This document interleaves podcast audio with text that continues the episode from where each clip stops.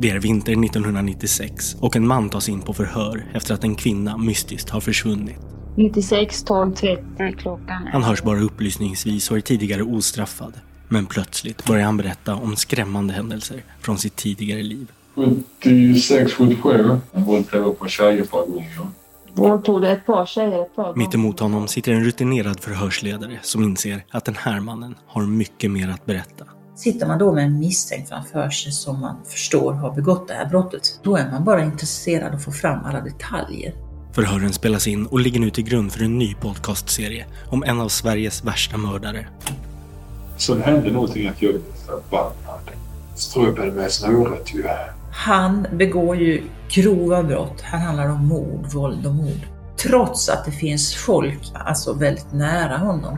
Det är precis som att han inte förstår eller är rädd för att folk kan upptäcka honom. Serien om den så kallade Nattvandraren är en psykologisk thriller i fem delar.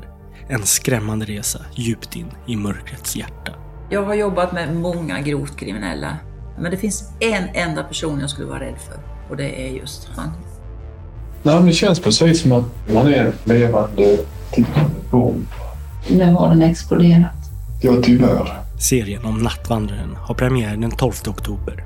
Hela serien släpps på en och samma gång för Acast Plus prenumeranter.